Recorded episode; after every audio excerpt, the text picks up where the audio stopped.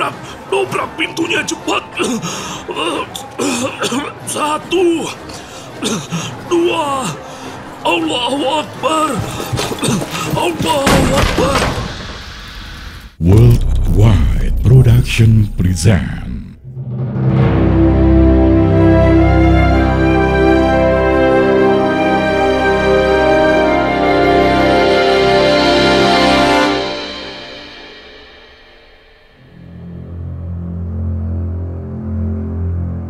Desa Katikan, Kedunggalar, Kabupaten Ngawi, bulan September tahun 1948. Pada sore hari sebanyak 30 orang warga yang terdiri dari para kiai dan tokoh desa dikumpulkan karena ada undangan dari suatu kelompok yang tidak dikenal. Mereka diundang untuk hadir di loji Dusun Gebung, Desa Katikan. Salah satu tokoh yang mendapat undangan adalah Kiai Imam Suhadi. Saat itu, Kiai Imam Suhadi sedang berada di rumahnya pada waktu menerima undangan tersebut. Kiai harus datang ya ke loji. Untuk apa saya datang ke sana? Pokoknya sampean harus datang. Karena ini menyangkut masa depan desa sampean. Ya sudah, kalau begitu saya akan hadir. Loh, loh, loh, kambing-kambing saya mau dibawa ke mana? Sudah tidak apa-apa. Kambing ini tidak akan kami apa-apakan. Hanya untuk diamankan saja. Kiai Imam Suhadi memiliki anak perempuan yang masih kecil. Gadis cilik itu bernama Maisaroh. Maisaroh adalah anak yang kritis. Ia bertanya kepada ayahnya tentang hal yang mengejutkan yang tiba-tiba terjadi di hadapannya.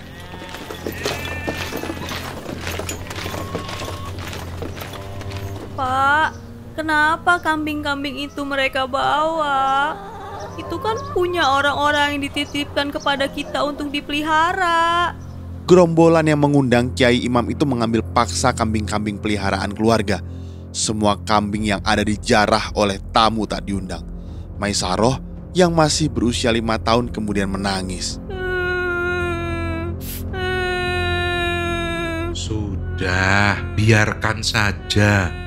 Nanti kalau punya bapak belikan lagi. Sudah, nggak usah ditangisi. Kiai Imam Suhadi tidak terlalu memperdulikan kambing-kambing itu. Ia lebih fokus pada maksud dari undangan itu. Ayah Maisaroh ini curiga. Kenapa yang berada di dalam list undangan adalah para tokoh agama? Kiai Imam yang juga merupakan tokoh agama di desa itu merasa was-was dan ia mencium ada sesuatu yang tidak beres. Ia lalu menyuruh Maisaro dan ibunya untuk pergi ke desa lain. Sang kiai khawatir akan terjadi apa-apa pada keluarganya saat ia pergi menghadiri undangan. Pada sore hari, Kiai Imam pergi ke lokasi loji.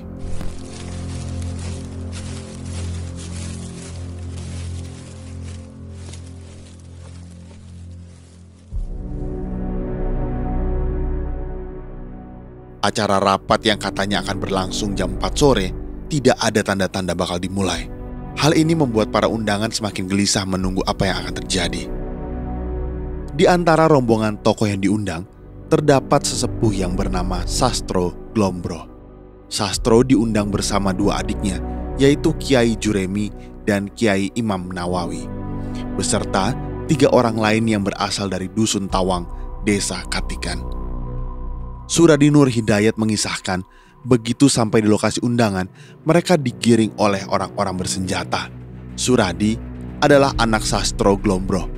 Ia sudah berumur 18 tahun saat peristiwa ini terjadi pada September 1948. Ini ada apa? Kami semua dikumpulkan di sini. Desa ini akan diserang oleh pasukan Siliwangi. Kalian harus cepat mengungsi. Apa alasan Siliwangi menyerang kami? Keenam orang ini sebetulnya sudah akan melawan. Namun adik Sastro, Kiai Imam Nawawi berusaha menahan mereka. Sudah, sudah, bisa melawan. Biar Allah nanti yang menentukan takdir kita. Kita dengarkan saja dulu apa kata mereka. Para gerombolan bersenjata itu lalu membawa rombongan Sastro ke loji. Sesudah masuk ke dalam loji, Sastro lalu mengirim surat ke rumahnya.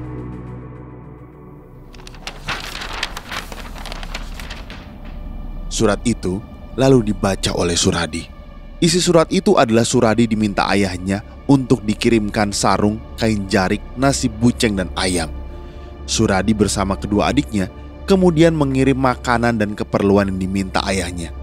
Begitu sampai di loji, Suradi dicegat penjaga. Penjaga itu menghunus pedang dan ditempelkan ke leher Suradi. Ada perlu apa ke sini? Ini kulo badhe ngaturaken daharan kagem bapak kulo. Bapak tadi lapar, minta dikirimi makanan. Bapak kamu lagi ada rapat penting. Tidak bisa diganggu. Kamu pulang sana. Suradi lalu melihat ada sesuatu yang ganjil di loji tempat ayah dan paman-paman yang dikumpulkan. Namun, ia tidak terlalu memikirkan hal itu lebih jauh. Loh, itu kok banyak orang bawa kayu bakar terus ditaruh di sekeliling loji. Untuk apa, Thomas? Sudah jangan banyak tanya. Kamu cepat pulang. Ternyata penduduk dikerahkan untuk mengumpulkan kayu-kayu bakar yang ditumpuk setinggi genting. Suradi pun pulang dan tidak memikirkan lagi apa yang sudah dilihatnya.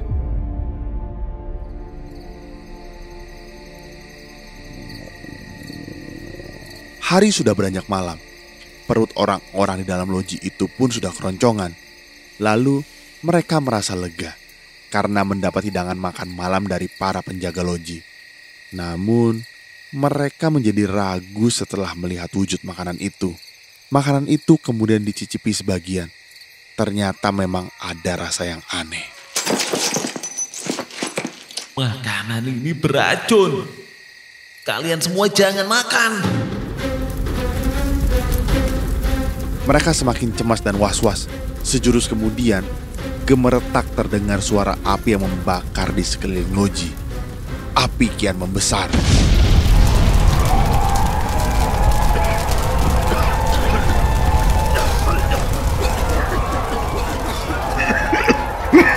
Semuanya, ayo keluar dari sini. Kebakaran. Pintu tidak bisa dibuka. Dikunci dari luar. Ayo dobrak. Asap yang masuk ke dalam loji membuat sesak nafas. Mereka kepanasan dan tidak tahan dengan kondisi asap yang semakin menebal. Karena panas semakin menyengat, mereka lalu melepas pakaian dan kain-kain yang mereka kenakan untuk menghalau api, namun tidak berhasil. Mereka panik tak beraturan, seperti tikus yang sedang dibasmi di persawahan. Dobrak, dobrak pintunya cepat. Satu, dua, Allahu Akbar. Allahu Akbar.